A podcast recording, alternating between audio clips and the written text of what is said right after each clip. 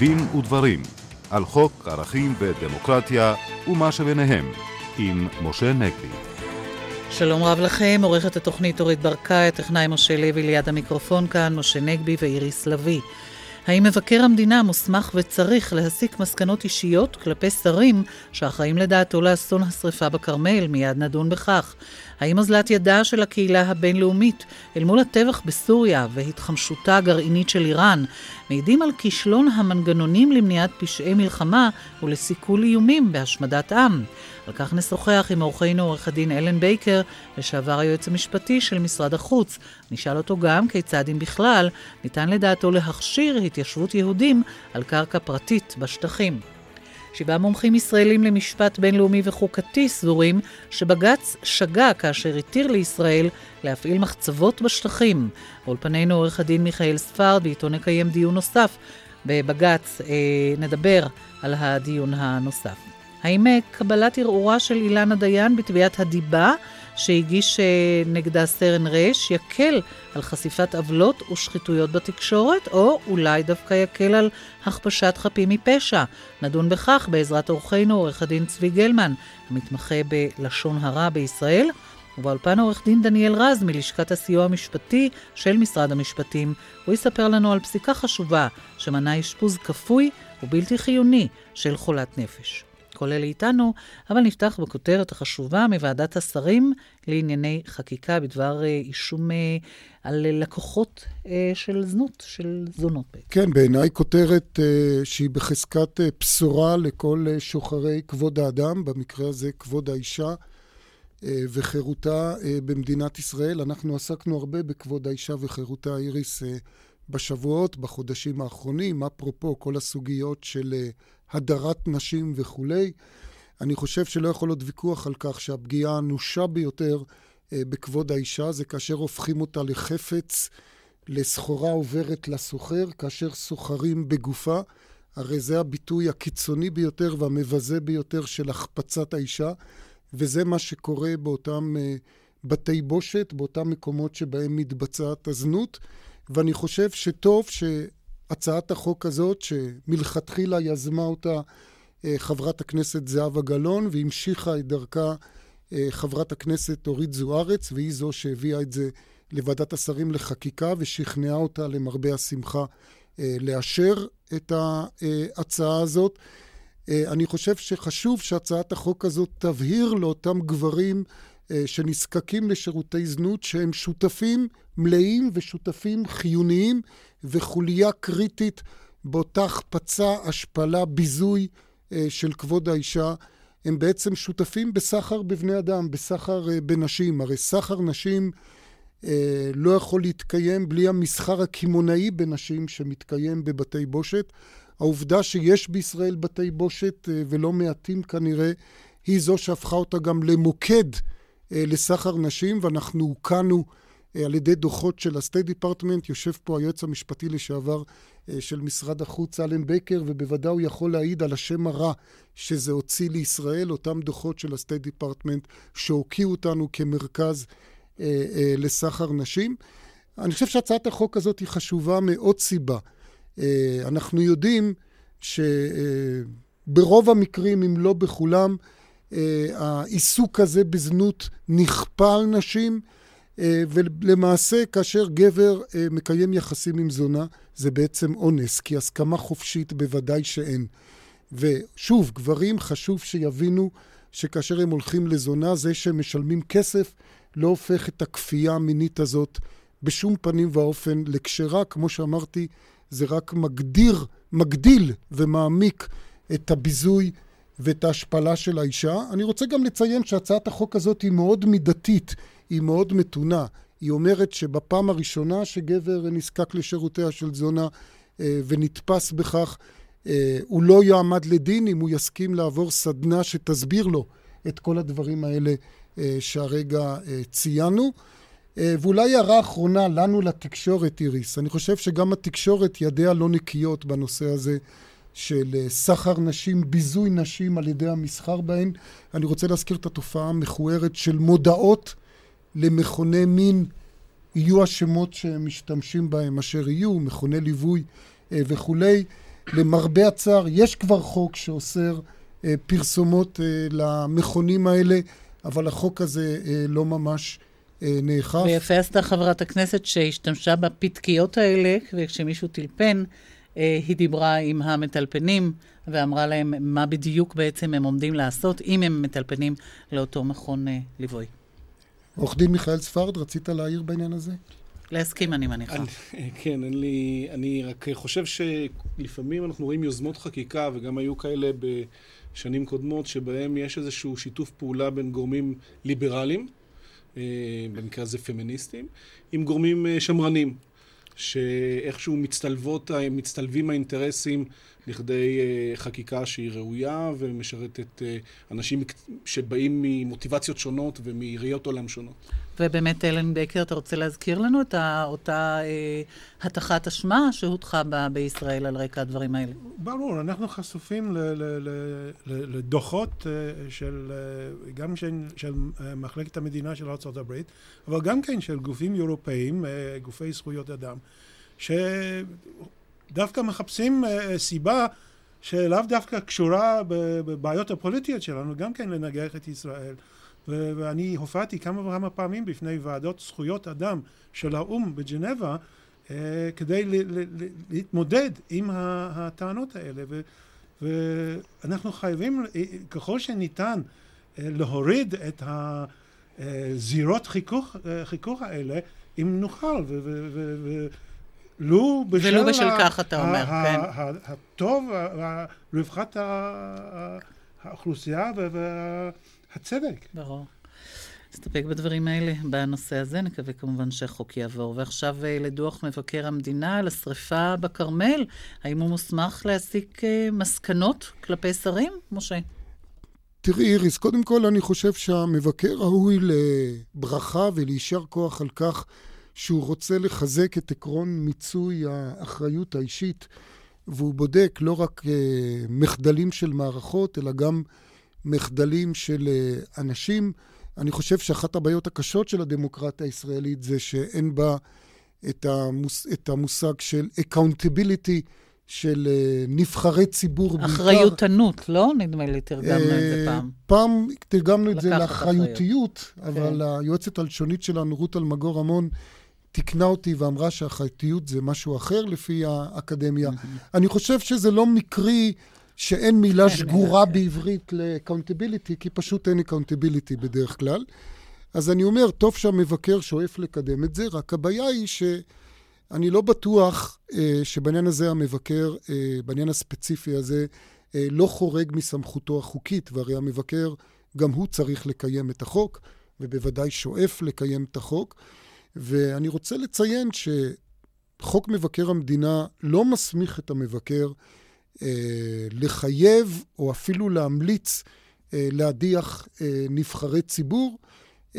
יש סמכות כזאת לוועדת חקירה ממלכתית, והיא הגוף היחיד שיש לה את הסמכות הזאת, גם להמליץ, ולפי פרשנות היועץ המשפטי לממשלה, ההמלצה שלה גם בדרך כלל מחייבת, ואנחנו יודעים שהיו מקרים שבעקבות המלצות של ועדות חקירה ממלכתיות, גם שרים נאלצו לנטוש את תפקידם, אבל למבקר אין הסמכות הזאת. מה שהוא יכול לעשות וצריך לעשות למיטב הבנתי, זה באמת לקבוע את הממצאים ולהשאיר למערכת הפוליטית להסיק מכך את המסקנות. אגב, אם... הוא יכול לפרש אותם גם, נכון? כלומר, לאור הממצאים האלה, האיש זה וזה אשם. כלומר, לא רק לתת נתונים יבשים. אה, אני לא בטוח. Mm-hmm. כלומר, אני חושב שהמבקר... אגב, צריך גם לזכור, זה גם לא כך הוגן שהוא יעשה את זה, כי בסך הכל הפרוצדורה אצל המבקר לא כל כך משוכללת כמו בוועדת חקירה ממלכתית. בוועדת חקירה ממלכתית, אמנם המבקר עושה שימוע אה, לאנשים שהוא קובע לגביהם אחריות, אבל בוועדת חקירה ממלכתית, כדי שוועדת חקירה תוכל לקבל המלצות אישיות נגד אדם, היא גם צריכה לאפשר לו לחקור חקירה נגדית את העדים שמופיעים נגדו אה, וכולי, מה שלא קיים אצל המבקר. אני חושב שהמבקר צריך להסתפק, ואני חושב שזו גם כוונת החוק, בקביעת ממצאים. אגב, אם אה, בעקבות הדוח של המבקר אה, ראש הממשלה אה, יחליט שהוא לא נוקט שום אמצעי כלפי שר זה או אחר שהמבקר ינקוב בשמו. יש סמכות מפורשת לוועדה לביקורת המדינה של הכנסת, בהסתמך על דוח המבקר, להקים ועדת חקירה ממלכתית, שלה כאמור יש את הסמכות הזאת להעביר אה, מתפקידם אה, שרים. אני רוצה להזכיר שזה נעשה כבר פעם אחת במקרה הידוע של מפולת המניות בשנות ה-80. דוח המבקר הוקיע אנשים, כולל שר האוצר דאז, ובעקבות זה הוקמה ועדת חקירה ממלכתית, ועדת בייסקי, שבאמת המליצה על הדחתם של בכירים, גם במערכת הבנקאית. כל, בעצם כל, כל מנהלי הבנקים דאז הודחו בעקבות אה, הממצאים אה, של אה, ועדת בייסקי. אני חייב לומר גם שקצת בעייתי בעיניי, מה שהודלף, ואגב, הודלף בצורה לא חוקית, צריך לומר, מדוח המבקר לגבי אחריותו של שר האוצר. אפילו ועדות חקירה ממלכתיות, כשהם הטילו אחריות אישית, ולהם יש את הסמכות כאמור להטיל ולהוציא מסקנות והמלצות אישיות, הם עשו את זה לגבי מחדלי, לגבי שרים שאצלם במשרד היו מחדלים.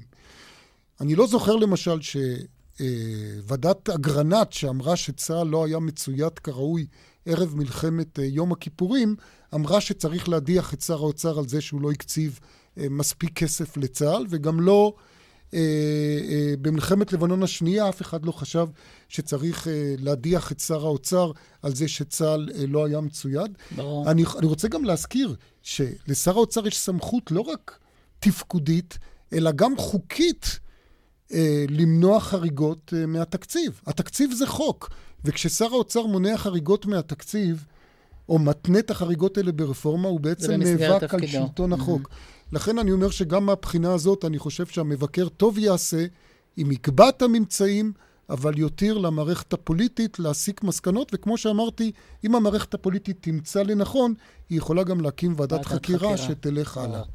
עכשיו לעניין אחר, אנחנו פונים אליך, עורך דין אה, אלן בייקר, לשעבר היועץ המשפטי של משרד החוץ. האם אוזלת ידו של האו"ם מול אחמדינג'אד, מול אסד, האם אוזלת היד הזאת מעידה על קריסת המנגנונים שנועדו למנוע פשעי מלחמה וחס וחלילה השמדת עם, ועומדים בעצם אה, באוזלת יד? לא, אני לא חושב. Uh, uh, הבעיה של האו"ם, וזו בעיה שקיימת מאז uh, שהקימו את האו"ם, זה שיש מועצת ביטחון ויש uh, מעצמות uh, uh, קבועות שיש להן זכות וטו. ולכן לאורך כל ההיסטוריה, ואנחנו רואים את זה גם בנושא שלנו וגם קוריאה וכולי, תמיד היה, הייתה מעצמה אחת או שתיים שהטילו וטו. אבל יש מצבים ו... חריגים של סכנה עולמית, כמו למשל אחמדינג'אד. טוב, מה, ש, מה שהאו"ם עושה במקרה כזה, הם מחפשים את ה-lowest common denominator, שבמקרה זה... מחנה המשותף הנמוך. Uh, מחנה המשותף שזה סנקציות. והם מנסים להפעיל סנקציות, ויש גם כללים uh, של האו"ם לגבי סנקציות, שזה לא יפגע באזרחים uh, חפים מפשע וכולי. אז יש, יש גבול מסוים. עכשיו, לגבי המשפט הבינלאומי הפלילי, אז יש לנו בשביל זה את. בית הדין הפלילי הבינלאומי, ואף ראש מדינה לא פטור מלעמוד לדין על פשעי מלחמה או פשעים נגד האנושות או השמדת עם או, או דברים דומים, כך שאם הקהילה הבינלאומית רצתה אפשר היה לפנות למועצת הביטחון, ולמועצת הביטחון של האו"ם יש את הסמכות לפי חוקת בית הדין לבקש להוציא צו מעצר נגד מנהיג זה. גם על הכרזות? לא על בדיעבד כשקרה משהו, על הכרזות? אפילו ניסיון להשמדת עם. הרי, הרי אחמדינג'אד מסית להשמדת עם נגד מדינת ישראל. אנחנו חוזרים אבל לזכות הווטו. אתה אומר שכל הסמכויות האלה הן בידי מועצת הביטחון.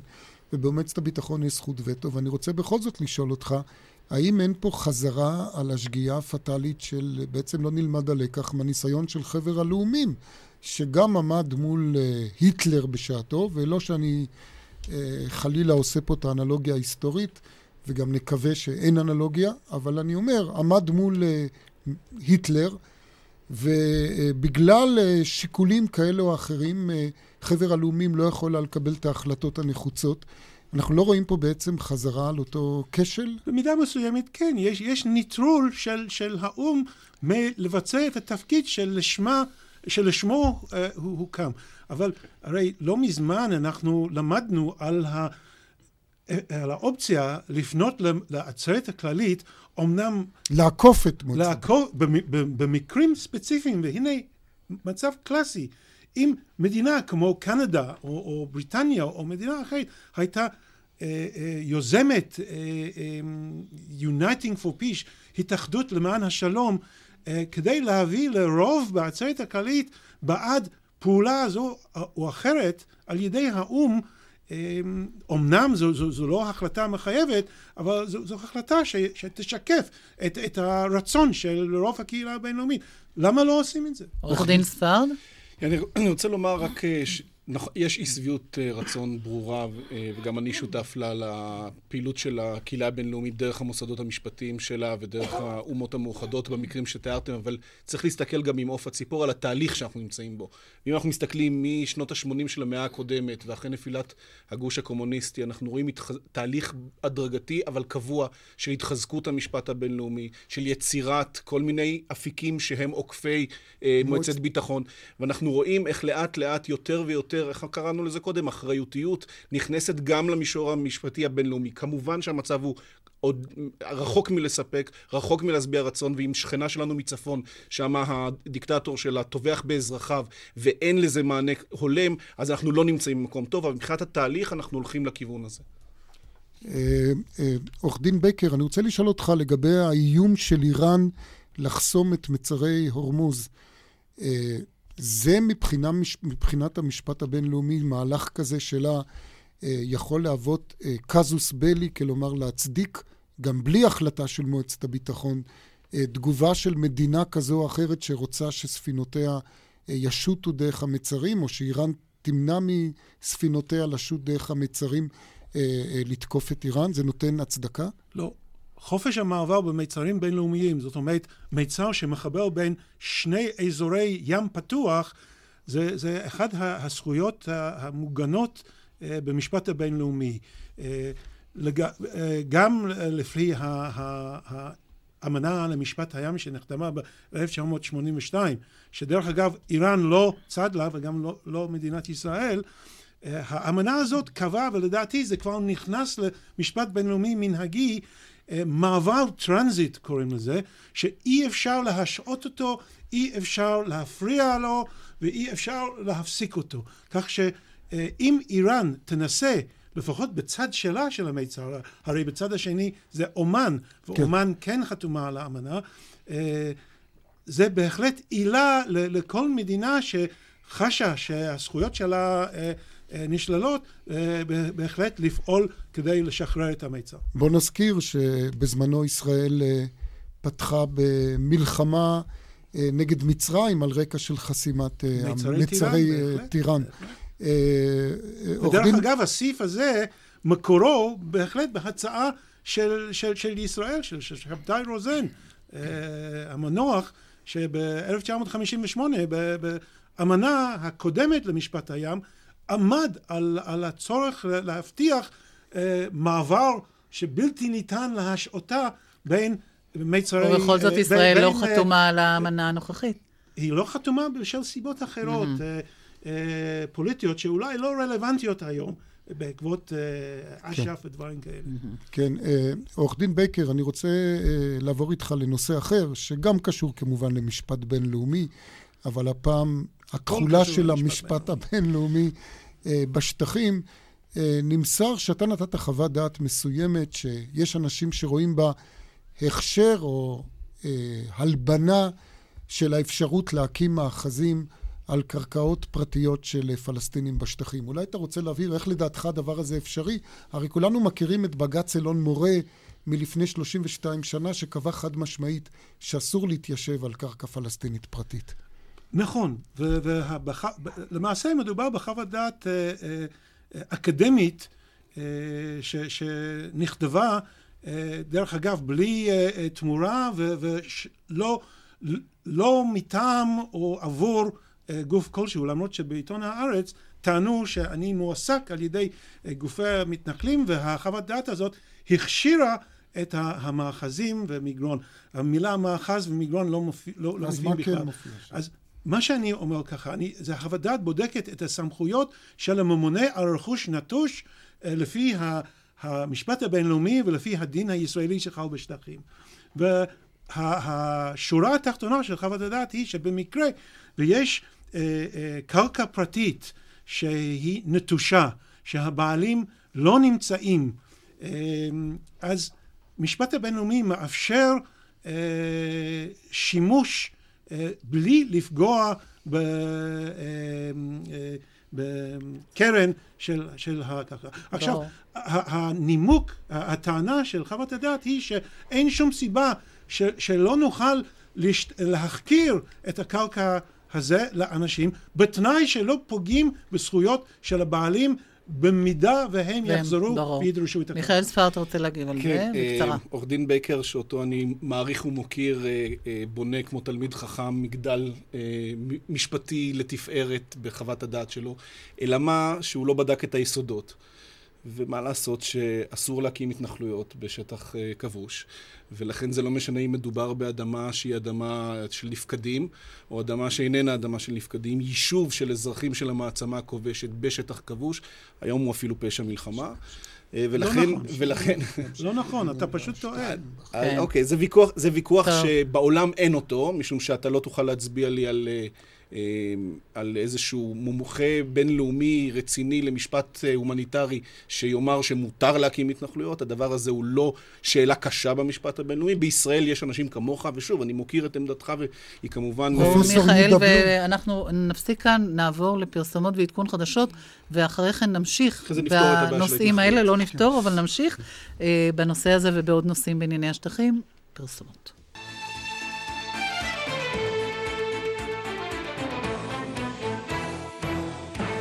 אנחנו כאן בדין ודברים. אה, אולי נמשיך מאותה נקודה שדיברנו על נושא המאחזים אה, בשטחים. אלן בייקר, איך אתה מגיב? אלן בייקר אה, אומר, עורך דין ספרד, שבעצם יש קונסנזוס בינלאומי לגבי האיסור להתנחל בכלל.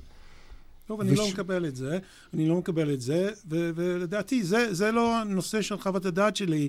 אמ, וחוץ מזה, שכל הנושא של ההתיישבות היא על סדר היום עם הפלסטינים. אה, ברגע שיגיעו חזרה למודוס של משא ומתן, אה, לכאורה הוא אחד הנושאים, כמו ירושלים וכמו יתר הנושאים, שהם על סדר היום.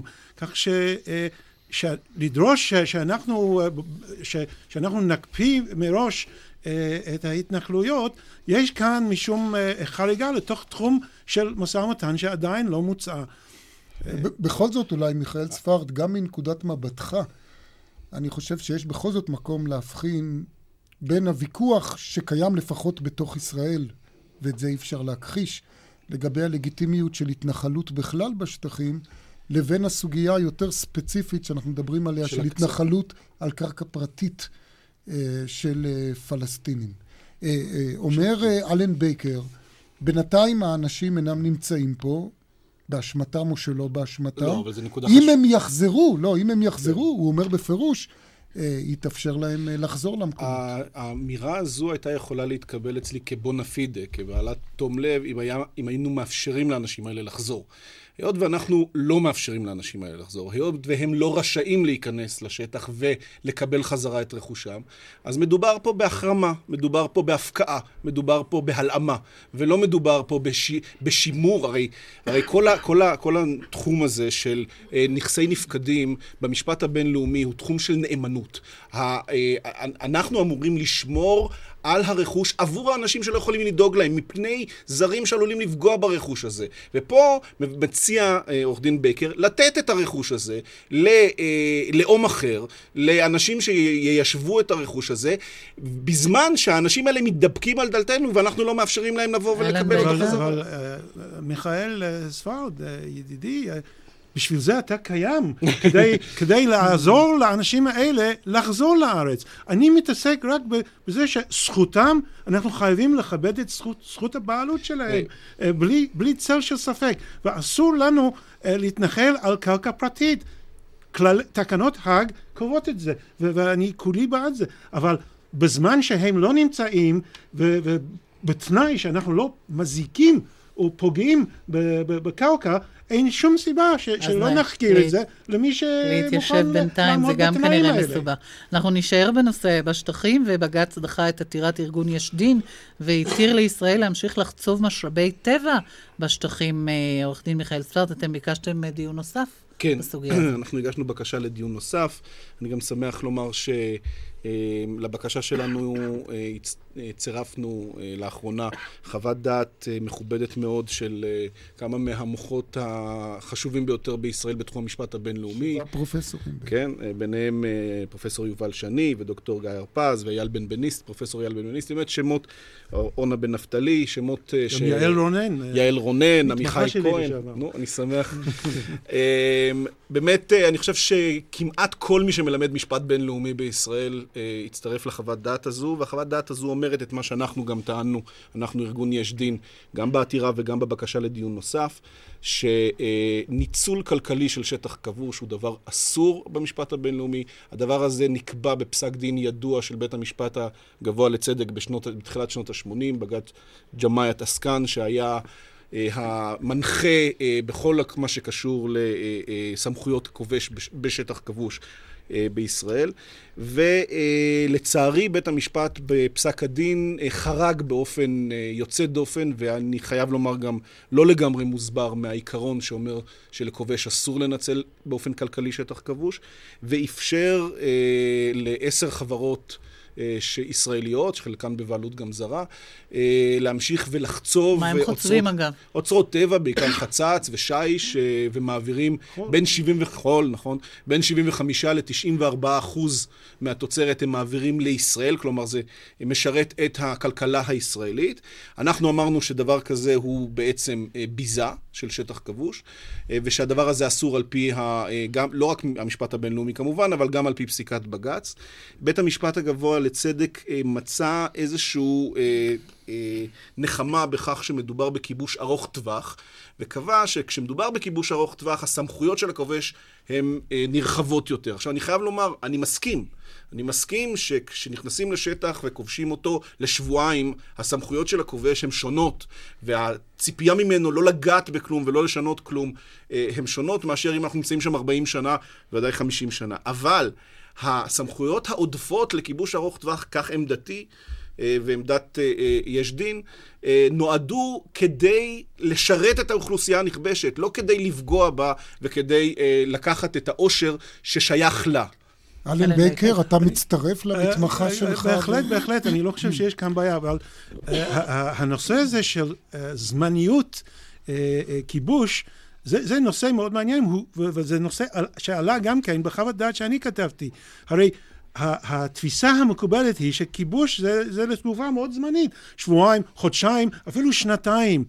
ו- ולא חשבו, מי שניסח את המשפט הבינלאומי, את האמנות הבינלאומיות, ש- שכיבוש יכול להימשך עד 40 פלוס שנה. בוא נזכור, עוד מעט 50 שנה. ובינתיים אנשים נולדים, אנשים מתים, אה, אה, צריך לתקן, צריך לשנות, צריך לתכנן אה, אה, ערים וכולי, ולכן אה, אה, הנושא הזה של זמניות, אנחנו חייבים לתת לזה את הדעת, ובמינה מסוימת, ישראל היא למעשה עושה את, את ההלכה היום. אבל לגבי ה... השורה התחתונה של, של חוות הדעת שלהם, אני חושב שזה בהחלט נכון. כן. אז נסתפק בדברים האלה. יכול לצרף אה, פרופסור שמיני. אני, אני כבר מחתים אותך על חוות הדעת, אה, עורך דין בייקר. ואז כן. יטענו בהארץ שאני אה, מועסק על יש דין. אז אתה מאוזן. אנחנו נצא לעוד שתי דקות פרסומת, ונחזור מיד כאן בדין ודברים. אנחנו כאן בדין ודברים, ועכשיו להחלטת בית המשפט העליון שדחה את תביעת הדיבה של סרן רייש נגד אילנה דיין. פרקליטיו יבקשו כנראה דיון נוסף. אנחנו רוצים לפנות אליך, עורך דין צבי גלמן, שמתמחה בתביעות כאלה. איך אתה רואה את זה, את העתירה הנוספת, את הפנייה הנוספת? ערב טוב. אני סבור שאכן אה, יש מקום לדיון נוסף. אה, בית המשפט העליון אה, הלך פה כברת דרך ארוכה מאוד אה, מהלכות וסטה, למעשה מההלכות הנוהגות מזה אה, אה, מעל 40 שנה אה, מדובר למעשה בשלושה אה, עניינים שונים שבית המשפט אה, אה, סטה מההלכות הקיימות, אה, וכל אחת, כל אחד מהעניינים האלו כשלעצמם, אה, יש בו מספיק להערכתי כדי לקיים דיון נוסף בהרכב מורחב אה, של השופטים. אולי תפרט. אה, אה, למעשה אנחנו, אה, בראש ובראשונה, יש סטייה מהותית בכל הקשור להגנת תום הלב שקבועה בסעיף 15.2. הסעיף הזה קובע למעשה שתהיה הגנה למי שערך פרסום כאשר היה צורך ממשי, מוסרי, לקיים אה, את הפרסום הזה, ובמקרים האלו, ורק במקרים האלו, אף אם יתברר שהפרסום לא היה בו אמת, עדיין תהיה הגנה אה, לאותו אדם. אה, בפסק דין אה, עיתון הארץ, אה, משנת 69 למיטב זיכרוני, כן. אה, בית המשפט העליון קבע שסעיף 15.2 לא יחול על גופי תקשורת. מן הטעמים המפורטים בפסק הדין שם. כן, אני רוצה אבל לשאול אותך פה, עורך דין אה, אה, גלמן. קודם כל אולי נזכיר, אמנם בית המשפט אמר את מה שאתה אומר, שעיתון יוכל מעכשיו אה, להתגונן בתביעת דיבה, גם אם הוא לא אמר אמת, אם הוא פעל בתום לב, אבל צריך להדגיש, ואני חושב שחשוב להדגיש, שבית המשפט אמר שבמקרה של אילנה דיין, היא כן פרסמה מה שבית המשפט אמר אמת לשעתה. והוא רק אמר, גם אם זה לא היה אמת, היא הייתה יכולה ליהנות מהגנת תום הלב, אבל הוא אמר שהיא פרסמה אמת לשעתה. אבל אני רוצה לשאול אותך, עם כל הביקורת שיש לך אה, על פסק הדין, האם ההחלטה של השופט סולברג, שעליה הגישה אילנה דיין את הערעור אה, שהתקבל, האם היא לא הייתה בעצם אה, גזר דין מוות אה, לעיתונות החוקרת? כי בעצם מה אמר השופט סולברג? השופט סולברג אמר, עיתון צריך להוכיח אמת ברמת ההוכחה הנדרשת בבית משפט, בעצם מעבר לכל ספק סביר. אה, עכשיו, אנחנו יודעים שלעיתונאי, ואתה מכיר את זה, אתה מייצג אה, בתביעות דיבה, עיתונאי אין לא את המשאבים ובעיקר לא את הסמכויות ואת האפשרות לאסוף ראיות כמו שיכולות לאסוף משטרה ופרקליטות אה, למשפט. ניקח את המקרה הספציפי שאנחנו מדברים עליו. אילנה דיין הסתמכה על עדויות שבעיני התביעה הצבאית הצדיקה להגיש כתב אישום נגד סרן רייש. עכשיו, נכון, אחר כך במשפט חלק מהעדויות האלה הופרכו. היא יכלה לחקור נגדית את העדים כפי שהם נחקרו בבית משפט, ואם היא לא הייתה מפרסמת, לא היינו יודעים בכלל שיש אה, בעיה. אני אומר בעניין הזה, אה, אני לא כל כך... אה, נכון שמדובר בפסק הדין בפרשת אילנה דיין. אה, אני חושב שבית המשפט פה לקח אה, את העניין הספציפי של אילנה דיין אה, וראה לעשות איזה הלכה, ואני מדבר בעיקר על הלכה ופחות על המקרה הספציפי של אילנה דיין. לגופו של עניין, אני לא סבור ולא בטוח שהשופט, כבוד השופט סולברג, סטה מההלכה. דווקא ההפך. האמירה שלו הרלוונטית היא שיש אמת אחת בעולם. האמת היא אמת סובייקטיבית, איננה אובייקטיבית. אין גם אמת לשעתה. וכאשר הדברים מובאים לערכאה שיפוטית, והערכאה שיפוטית מחליטה... כן, אבל צריך לזכור, עורך דין גלמן, שהאמת האובייקטיבית, אה, אנחנו לא יודעים אותה גם עד עצם היום הזה. נכון שבית המשפט זיכה את סרן רייש מאשמה ספציפית של אה, וידוא הריגה, אבל בית המשפט למשל לא עסק בשאלה האם סרן רייש אמר תראו בכל בן אדם שמתקרב למוצב, גם אם זה תינוק או פעוט בן שלוש. ובשאלה האם פקודה כזאת היא חוקית או לא חוקית. לא חשוב שכתבת תעלה את השאלה הזאת בלי אני, קשר לשאלה אם בית משפט אה, בהחלט, קבע או לא קבע. אני בהחלט סבור שיש אה, משמעות וחובה על עיתון ועל כתבת להביא בפני הציבור דברים, אלא שיש דרך איך מביאים את הדברים. אם מביאים את הדברים כאשר הם אה, נתפסים בעיני הציבור כעובדה, וללא קשר לתוכנית עובדה, אלא בכל עיתון אחר, הם נתפסים כעובדה, עובדה מוגמרת.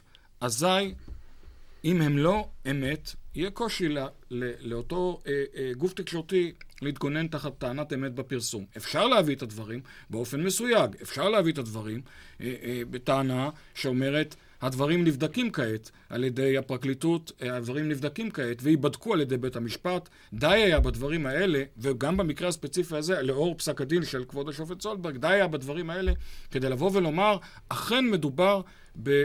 אה, אה, אה, הצגה של דברים שאינם עובדות מוגמרות וסופיות, שלאחר מכן יתברר של בית המשפט שהם אינם כאלו, והקביעה, עם כל הכבוד, של אמת לשעתה, אני אינני מקבל אותה למרות שבדיון נוסף קראוס אכן השתמשו במילים אמת לשעתה, אבל זה היה במקרה אחר, שונה, וגם שם אני לא מקבל את האמירות אמת לשעתה, כי בפרשת קראוס, מה, ש, מה שנקבע בפרשת קראוס זה שבתחילת הדרך היה כתב אישום, ולאחר מכן בוטל כתב האישום. לא הייתה אמת לשעתה, הייתה אמת. היה כתב אישום, ולאחר מכן בוטל כתב האישום, הכל אמת אחת צרופה, לא אמת לשעתה. אמת לשעתה איננה יכולה לחיות בעולם. בעולמנו, מה לעשות? אם בית משפט קובע כך או אחרת, זו אמת אחת, והאמת הזאת, רק היא קיימת בעולם. אם עובדה מסוימת נקבעת כאמת, כלומר, חס וחלילה אומרים על האדם, הוא גנב, ולאחר מכן בית משפט, לא חשוב מתי, קובע שאותו אדם איננו גנב, אז אותו אדם איננו הגנב, וזו האמת. אין אמת אחרת, אין אמת לשעתה, הוא מעולם לא היה גנב אותו אדם. ולכן זו, זו הביקורת העיקרית, אחד לסעיף 15-2, השנייה על אמת לשעתה, ויש ביקורת uh, שלי, שאני, אני, uh, השופט עמית, דרך אגב, uh, הצטרף, לא, אני, לא, לא הוא הצטרף, אני מצטרף. ובמאבק התמידי בין חופש הביטוי לזכות לשם טוב. על פי דעת ראש ההרכב, המשנה לנשיאה, אה, חופש הביטוי תגבר תמיד על הזכות לשם טוב. אני חושב שזו אה, אה, איננה, עם כל הכבוד, כמובן ההלכה הנוהגת, ובכל יום בבתי המשפט במדינת ישראל קובעים הערכאות השונות שהזכות לשם טוב גוברת על חופש הביטוי, כי הם מחייבים בתיקי לשון הרע. מיכאל צפרד, בקצרה, יש לך... קודם כל, אני חושב שהסוגיה של אמת לשעתה ותום לב... זה דברים שלובים זה בזה. כלומר, מה זה אמת לשעתה? זה שדווח באופן תם לב על מה שהיה ידוע באותה עת, ואני לא חושב, אני חושב שבית המשפט תיקן פה אנומליה שלי לא ברורה. אה, אין כמו משלח היד של אה, עיתונאות, שמטיל עליך חובה מוסרית, חברתית, במדינה דמוקרטית, לפרסם בעניינים שהם נוגעים לציבור. דבר אחרון, אה, צריך לזכור, נתן את פסק הדין שופט שעוזב עוד מעט אותנו, את בית המשפט. אה, ופסק הדין ש, אה, שבוטל הוא של שופט שנכנס לבית המשפט. שאלה מעניינת היא האם ההלכה הזו תחזיק מעמד. ומה יהיה בדיון הנוסף. תודה רבה לכם uh, בנושא הזה, ועכשיו אנחנו רוצים לפנות אליך, עורך דין דניאל רז, מהלשכה לסיוע משפטי של משרד המשפטים. אתם הבאתם לשחרורה של חולת נפש מאשפוז כפוי, ואפילו שכנעתם את בית המשפט המחוזי שיש לאסור אשפוז כזה, אם אפשר לתת לחולה טיפול במרפאה. ספר לנו על כך. אז אה, כן, קודם כל שלום. מדובר בעצם בפסק דין תקדימי כי עד עכשיו אנחנו היינו רגילים אה, לאשפז אנשים שבבתי חולים אם הם מהווים סכנה פיזית ומיידית, בהתקיים תנאי שיש ראיות של ממש שהם מסוכנים. אגב, זה... גם אם הם מסוכנים רק לרכוש, אפילו... רק, כן. זהו, אז בדיוק, זאת הפרשנות החדשה, שבעצם פה במקרה הספציפי הזה, דיברו על כך שהיא גרמה נזק או סבל אה, לזולת, שזה סעיף אחר בחוק. ובא בית המשפט המחוזי בירושלים, כבוד השופט גרינברג, ובא ואמר במפורש שגם במקרים שמדובר באשפוז לא דחוף, אבל עדיין יש צורך לאשפז בכפייה, צריכים לבדוק אלטרנטיבות אשפוזיות אחרות. ובית המשפט בעצם, אה, בפעם הראשונה, אה, נתן פרשנות ליברלית יותר, אה, גם לסעיף הזה של החוק. שעוד כבוד הנשיא ברק בפרשת וילנצ'יק, בא והתווה בעצם לבדוק חלופות אשפוז פחות דרסטיות, ובפועל בא בית המשפט פה ו- ועשה אה, אה, דברים מדהימים. עכשיו, אני רוצה לציין שבאגף, אה, אנחנו במשרד המשפטים, באגף הסיוע המשפטי, מייצגים היום, אני הבאתי פה נתונים סטטיסטיים, בסביבות אה, בארץ 3,501 תיקים בשנת 2011 של אשפוזים בכפייה. והפרשנות הזאת של בית המשפט המחוזי בירושלים בעצם מאפשרת לנו יותר טוב לייצג את uh, אותה קבוצה של אנשים שאשפזו אותם בגלל דברים אחרים שהם לא דחופים. אני חושב שאחד הדברים שאגב למדתי ממך, עורך דין אה, רז, ואני מודה שלא ידעתי בעוונותיי, זה שבעצם היום על פי החוק, בתי החולים, אם מביאים להם חולה נפש באשפוז כפוי, חייבים לדווח לכם על זה, כדי שאתם תוכלו ביוזמתכם, כפי שנהגתם פה, אה, לערער על האשפוז הכפוי הזה, וכמו שראינו, גם הצלחתם אה, בערעור במקרה הזה, ובאמת השגתם את העיקרון החשוב הזה, שאם יש אלטרנטיבה פחות קיצונית של טיפול מרפאתי, אסור לאשפז אותו בכפייה. נכון, כן, והנושא של יידוע, אה, שבמסגרת החוק, בסעיף 29 לחוק ובתקנות, הוא אלמנט מאוד חשוב. שוב, היידוע היום מתבצע הרבה הרבה יותר טוב בשנה האחרונה, למשל, ועדיין ישנם בתי חולים ברחבי הארץ, שלא תמיד מקפידים לידע את החולים על זכותם לקבל ייצוג משפטי מטעם המדינה, וגם בציבור הרחב עדיין לא, לא מבינים ש, שבעצם העבודה שלנו היא לייצג את אותם אנשים שמעוניינים בייצוג משפטי, ואנחנו עושים זאת במרבית המקרים. ולא תמיד אנשים מודעים לכך. כלומר, בואו בוא באמת אה, נספר, אתם הלשכה לסיוע משפטי של משרד המשפטים בכל עיר. אה, אה, זהו, יש לנו כמה מחוזות, אנחנו נותנים סיוע משפטי אה, בכלל תחומים, בנושא משפחה, כן. דיני עבודה. לא צריך להיות חולה נפש. לא צריך להיות, בוודאי, רוב התיקים כמובן הם לא בתחומים האלו. אבל אנחנו גם... צריך להוכיח אבל איזושהי אי יכולת כלכלית, אי נכון? יכולת כלכלית, אבל לא בנושאים של ייצוג בוועדות הפסיכיאטריות.